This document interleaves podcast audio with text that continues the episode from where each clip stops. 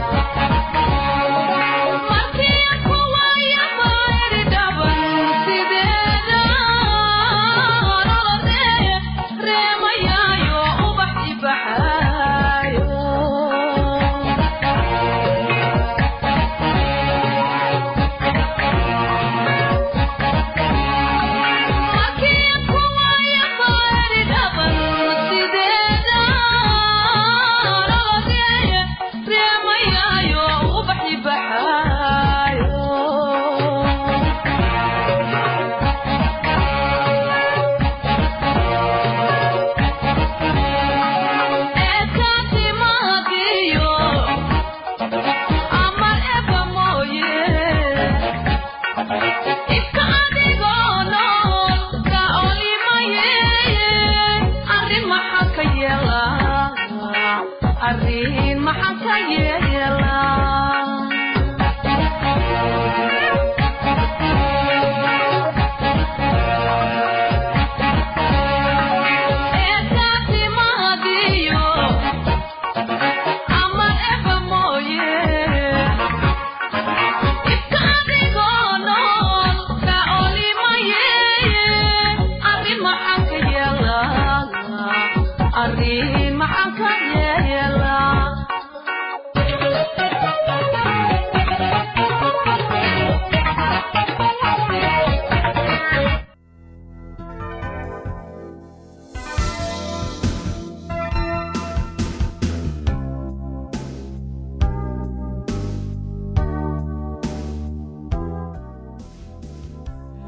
dadku miyay qaataan? Wakhti ay ka fikirayaan in xiriirka ay la leeyihiin qofka kale uu yahay mid ku dhisan jacayl run ah ama mid qofka kale oo qura ku kooban yahay. Xiriirkii ku dhisnaa afka keliya markii uu dhammaado sida caadadu tahay uu dhammaanayo. Markaasay dadku dib u eegaan oo isku yidhaahdaan runtii wax inaga dhexeeyey qofkaasi maba jirin. Wakhtiga ayuunbaan iskaga dhammaynayay. Hase yeeshee dareenkii ayaa wax loo dhimay. Wadna xanuun iyo madax xanuun ayaa qofkii ku dhacay. Noloshiisii qiimaha lahaydna waa lagu ciyaaray. Hoos waxaa ku qoran liis tusaalooyin ah oo kugu caawin kara bal inaad eegtid in xiriirka aad la leedahay qofka aad guursan rabtid uu yahay mid dhab ah iyo in kale. Jacaylka si tartiiba ayuu u koraa laakiin kan beenta ah si deg deg ah ayuu ku koraa jacaylku wuxuu koraa koritaankana wakhtigii ayuu qaataa. Taas waxaan uga dan leeyahay jacaylka si tartiib ah ayuu u koraa laakiin kan beenta ah si deg dega ayuu u koraa. Jacaylka wuu koraa koritaankana wakhti ayuu qaataa. Jacaylka beenta ah waxa aad ku garataa islamarkiiba ayuu ku haleelaa. Dhowr jeer oo aad qofka kulanteen kuma baran kartid waxaa laga yaabaa in qofka markii ugu horreysay uu si fiican u dhaqmeeyey aalaana dadka sida ayay sameeyaan marka ay qof cusub la kulmaan. Qofka waxa uu iska helayaa mid wanaagsan oo dabeicad fiican leh. Marka hore oo haddii ay wax cara ah ku dhalato wuu qiranayaa. Sababtan awgeed waxa ay qaadanaysaa bilooyin ama xitaa sanooyin si aad qofka si wanaagsan u baratid. Sababtan awgeedna weeye sababta ay dad badan uga calaacalayaan inay guursadeen qof aanay aqoon.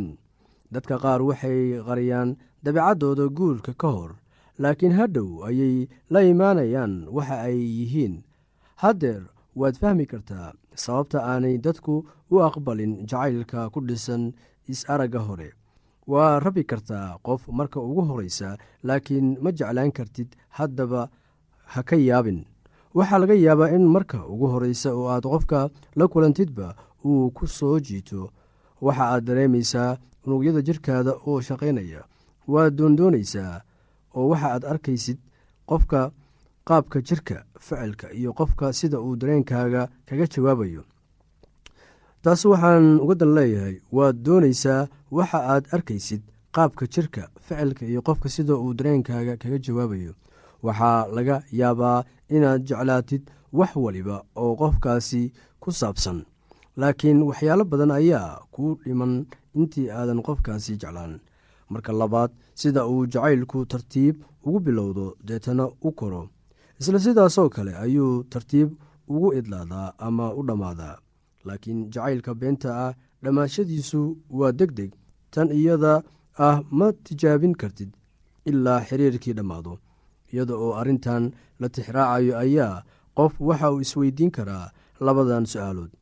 Marka aad jacaylka samaynaysaan ilaa wakhti intee ah ayuu qaataa. Haddaba wakhti intee la-eg ayuu kaaga baxaa. Sida jacaylka dhabta ah uu u qaato wakhti si uu u koro isla sidaasoo kale ayuu wakhti u qaataa in dareenkiisuna dhammaado hab kale oo uu u dhici karo ma jirto haddaad labadiinnu isla korteen oo aad isla qaybsateen waayo aragnimo. Waxaa laga yaabaa in xiriirkiinu dhammaan ilaa wakhti dheer. Waxaa laga yaabaa in xiriirkiinu dhammaan doono ilaa wakhti dheer. Jacaylka beenta siduu ku bilowday ayuunbuu ku dhammaadaa taasoo ahayd deg deg ta saddexaad islamarkaasi uu jacaylku ku salaysan yahay hal qof oo qura kan beenbeenta ah waxaa laga yaabaa inuu ku lug leeyahay kuwo badan isla wakhtiga dadka jacaylka beenta ah qaba. Waxaa laga yaabaa inuu jecel yahay laba ama in ka badan isla wakhtigaas waxaa laga yaabaa in kuwan oo jecel yahay ay kala yihiin dabeecado kala duwan. Waxaa laga yaabaa in kuwan uu jecel yahay ay kala yihiin dabeecado kala duwan. Bal eeg tusaalahan waxaa laga yaabaa in inan yar ay tidhaahdo waxa aan jeclahay laba wiil oo ma garanayo si aan ku kala doorto. Mid waa nin weyn aad adag oo mas'uuliyad qaadi kara kan kalena laakiin waa mid aan mas'uuliyad qaadi karin raaxo jacayl oo xoolihiisa ku ciyaara. Waxaa dhici karta in inantan yar aan jeclayn labadooda midna. Jacaylka dhabta ah waxa uu ku salaysan yahay hal qof kaasoo xambaarsan dooqii aad ku dooratay oo muhiimadda siiyey. Jacaylka waxa uu abuuraa dabeecadda wanaagsan laakiin kan beenta ku dhisan waxa uu keenaa baaba'a jacaylku waa inuu ka soo saaraa qof wanaagsan. Jacaylku waa inuu kaa soo saaraa qof wanaagsan. Waxa uu ku siinayaa awood cusub ahmiyad iyo xagga noloshaada. Midda afaraad jacaylku waxa uu abuuraa xirfad iyo xiisad ku salaysan ka koridda xagga dhaqaalaha. Jacaylku waxa uu ku horkacaa horumar.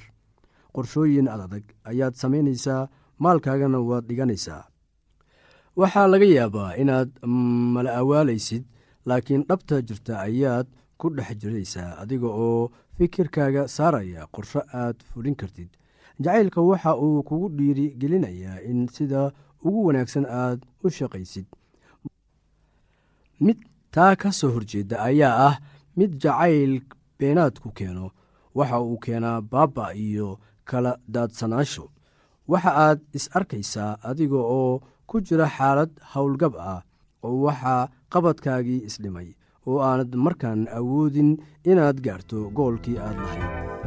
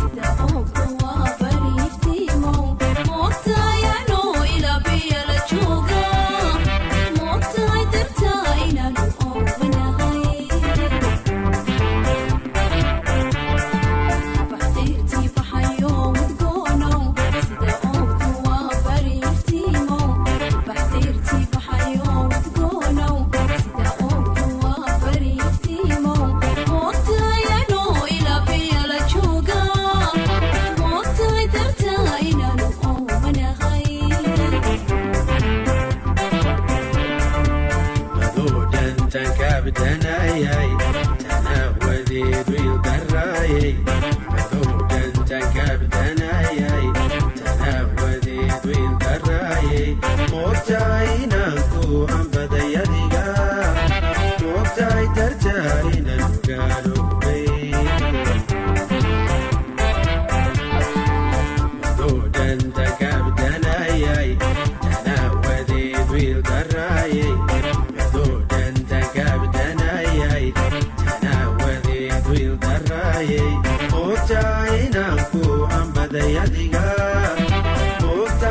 die.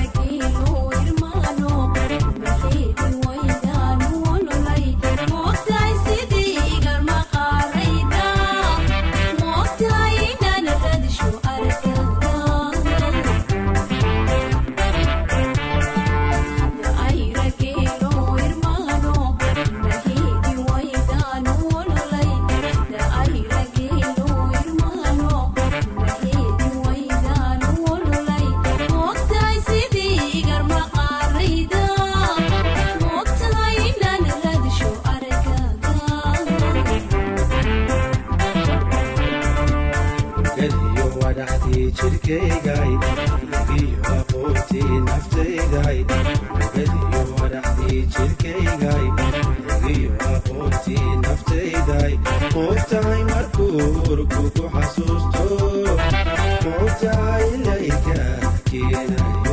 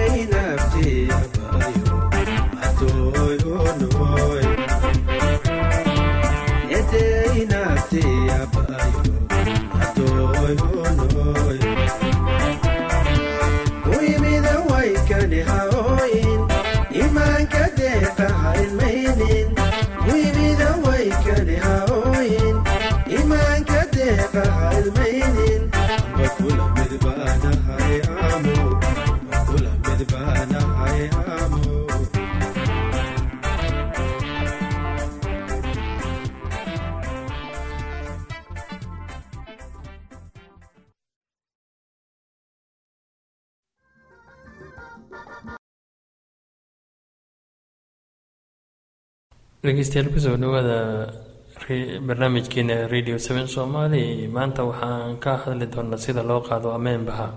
Ameenbaha ayaa qofka ka galaa afka ama sanka wuxuu raacaa candhuufta ama luqmada ama cabitaanka wuxuu markaasi tagaa caloosha calooshu wuxuu uga gudbaa mandhicirka halkaasi ayuu degaa kuna tarma boogo ayuu u yeelaa mandhicirka dhiigga afkana wuu jaqaa.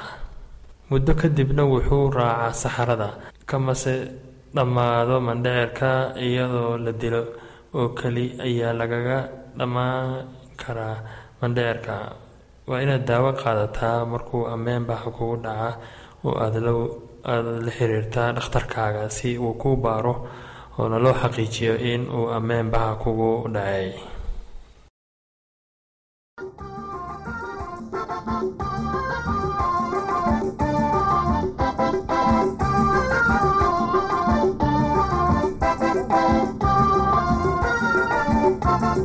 Waxyaabaha loo baahan yahay waa in la sameeyo si caafimaadka carruurta loo ilaaliyo.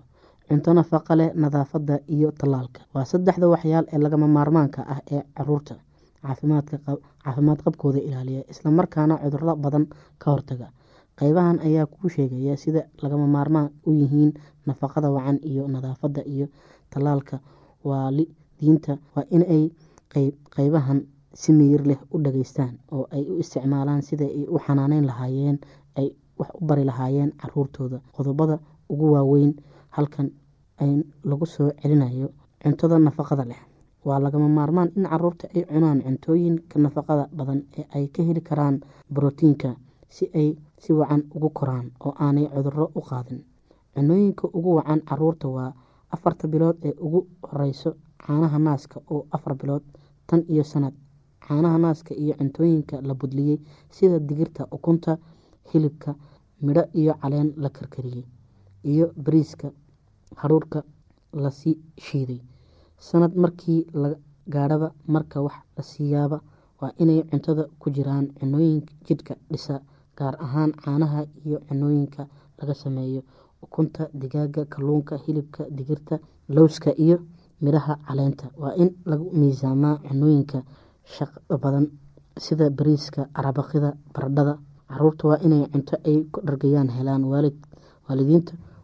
waalidiinta waa inay u foojignaadaan calaamadaha nafaqa xumid oo ay carruurta ka ilaaliyaan cunooyinka oo ay siiyaan cunooyinka ugu wacan. Nadaafadda. Caruurta waxay u dhow yihiin inay caafimaad qabaan haddii xaafadda guryahooda iyo nadaafad ay yihiin. Tallaabooyinka tusaalaha ah ee lagu sheegay bar carruurta in ay sidaa yeelaan oo ay gartaan sababaha tallaabooyinkaasi laga maarmaan u yihiin. Had iyo jeer u maydh carruurta oo dharkana ka bedel bar inay gacmahooda maydhaan marka ay subaxdii soo toosaan markay godka kaadida tagaan marka intaanay cuntada taaban ama aan cunin samee inay isticmaalaan musqusha. Ha ogolaan inay carruurta kaba la'aan socdaan ha xidheen kaba furan ama xiran. Bar carruurta inay cadeydaan oo nacnac ama cabitaanka aysiidka lahi hasiin cidiyahooda aada u gaabi. Ha ogolaan carruurta cudurrada qaba ama boogaha isnadaamis ama injirta ama cambaar lahi inay la seexdaan ama dhar ay isla qaataan markiiba carruurta ka daweey isnadaamiska cambaarta dirxiyada mandhicirka iyo bukaanada kale ee si howl yar isaga tallaaba carruurta. Ha ogolaan carruurta inay afkooda wax wasaq ah geliyaan ama eyda ama xayawaanada kale ay leefaan. Xoolaha guriga yay soo gelin. Biyo nadiif ama la karkariyey waa in la isticmaalaa. Laba tan si gaar ah ayay laga maarmaan u tahay in carruurta oo dhan dhowaan dhalatay tallaalka samee tallaalka boolo tallaalka wuxuu carruurta ka ilaaliyaa cuduro badan oo ay ka mid yihiin kuwa ugu xun ee carruurta kixda gowracatada iyo furuqa curyaamida carruurta jadeecada iyo qaaxada carruurta waa in la tallaalaa tallaalo kala duwan la siiyaa dawooyin kabi dawooyin uga hortaga dhibcaha cudurrada ka yimaada carruurta waa in la siiyaa intaana ay labadii bilood ee ugu horreeya dhammaan waayo carruurta sanad ka yar ayay ugu dhow yihiin inay ku dhacaan curyaamida carruurta. Waa lagama maarmaan in si ilmuhu si dhan cudurrada looga ilaaliyo. Waa inta tallaalka d b t dhibtirada kixda iyo kujiyaha iyo ka caafimaadka. Bishiiba mar la siiyaa muddo saddex bilood ah iyo mar kale oo sanad dabadii ah dhegeystayaasheena qiimaha iyo qadarinta lahu. Halkaa waxaa noogu dhammaaday barnaamijkii caafimaadka. Waa shiine oo idin leh caafimaad wacan